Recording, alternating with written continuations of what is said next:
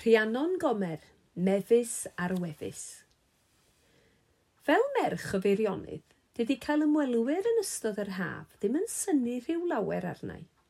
Wedi'r cyfan, pwy na fyddai'n cael ei ddenu gan harddwch ei mynyddoedd a'i haberoedd, glesni'r coed a'r dolydd yn ystod tymor cynhesa'r flwyddyn, gyda lwc. O'r herwydd, mae'n rhaid crafu pen am brydau bwyd sy'n codi archwaith ac yn ddigon ysgafn gan apelio at y llygad ar dant. Mae rhywun wedi colli'r arferiad braidd dros gyfnod y pandemig ac mae'n anodd mynd yn ôl i'r tresu, ond dyna sydd rhaid.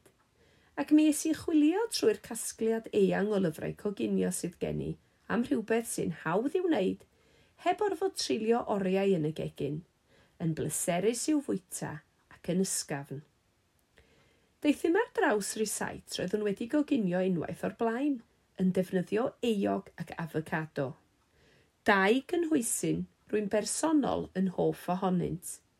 Er fod y dadleuon am faint o ddŵr sydd ei angen ar goed afocado, a'r dilliau a ddefnyddir o ffermio eog yn siŵr o boeni rhywun.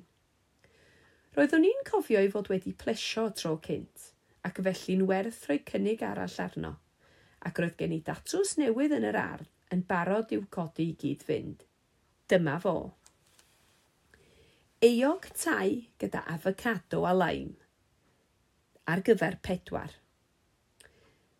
Pedwar ffiled eog wedi tynnu'r croen, halen a phupur, i'r llenwad, dau afocado fach wedi tynnu'r croen, sydd a chroen un laim, Llwy de wastad o bast cyrru tai ac i'r saws, un llwy fwrdd o saws soia, dwy lwy fwrdd o saws chili melys a dwy lwy fwrdd o ddŵr.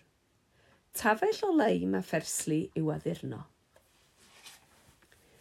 Defnyddio cyllell finiog i hollti'r darnau eog yn ei hyd fel bod gennych 8 darn tenau, pedwar top a phedwar gweilod. A rhoi halen a